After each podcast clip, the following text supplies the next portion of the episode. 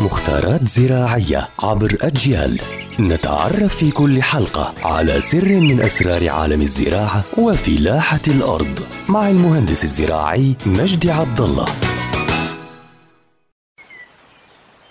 أهلا بكم متابعين ومتابعات أجيال عبر منصاتها الاجتماعية المختلفة. رح نحكي اليوم عن محاصيل تزرع في هاي الأوقات أي بالخريف عشان نحصدها بالشتاء. من هاي المحاصيل الزهرة، الملفوف، الملفوف الأحمر، البروكلي، البصل، الفول العادي والقرطاسي، الجرجير، السبانخ، البقدونس والفجل. طبعا دائما زي ما حكيت لكم إنه دائما البذور والأشتال أصناف.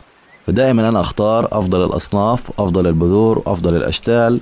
يعني أشتال ما تكون مريضة أشتال تكون معقمة بذور تكون معقمة. وأيضا أحافظ على المسافه الزراعيه بين هاي الأشتال عشان يكون موسم زراعي ناجح عندي. Perte Colafel.